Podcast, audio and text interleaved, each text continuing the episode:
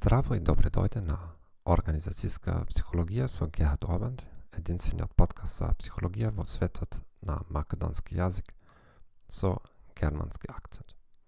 Денес ќе зборуваме за закана од стереотипи.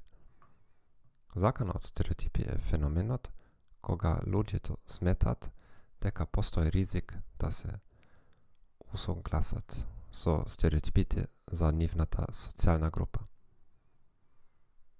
Тоа е некако вид на само исполнувачко пророштво. Најистакнатите студии се поврзани со полот или за етнички или сексуални малцинства. Сепак, дозволете ми да започнам со нетипичен пример. Постои стереотип дека германците не се смешни, дека немат добра смисла за хумор.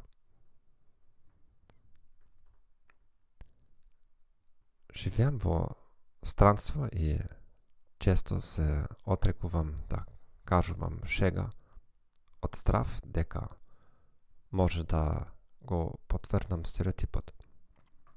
Од друга страна, постои и воз немиреност при изведбата поврзана со позитивни стереотипи. Бидејќи германците би требало да бидат навреме, јас сум секогаш поснемирен кога не сум навреме. Бидејќи луѓето може да ме исмеват како реткиот германец што доаѓа премногу доцна. Клод Стил имаше машки ученици и студентки да полага тест за математички вештини. Непосредно пред тестот, на половина од учесниците им беше кажано дека во овој тест обично има големи разлики во половите. Во овај случај, жените добија значително полоши резултати од мажите. Другата половина од примерокот не ја доби ова изјава.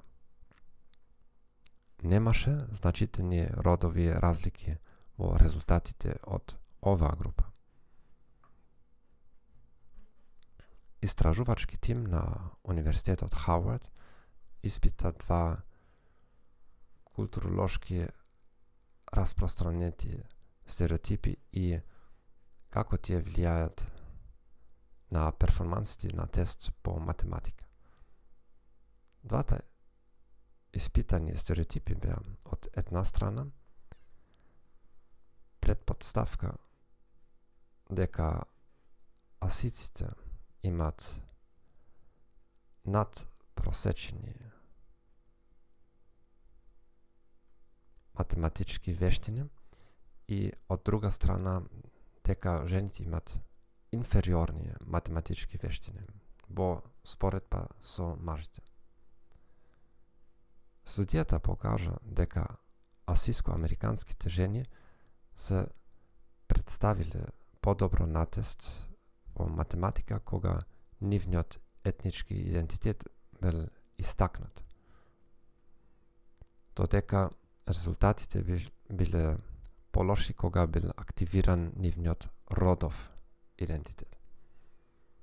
Ви благодарам што го слушавте овој подкаст. Посакувам убав ден и спогум.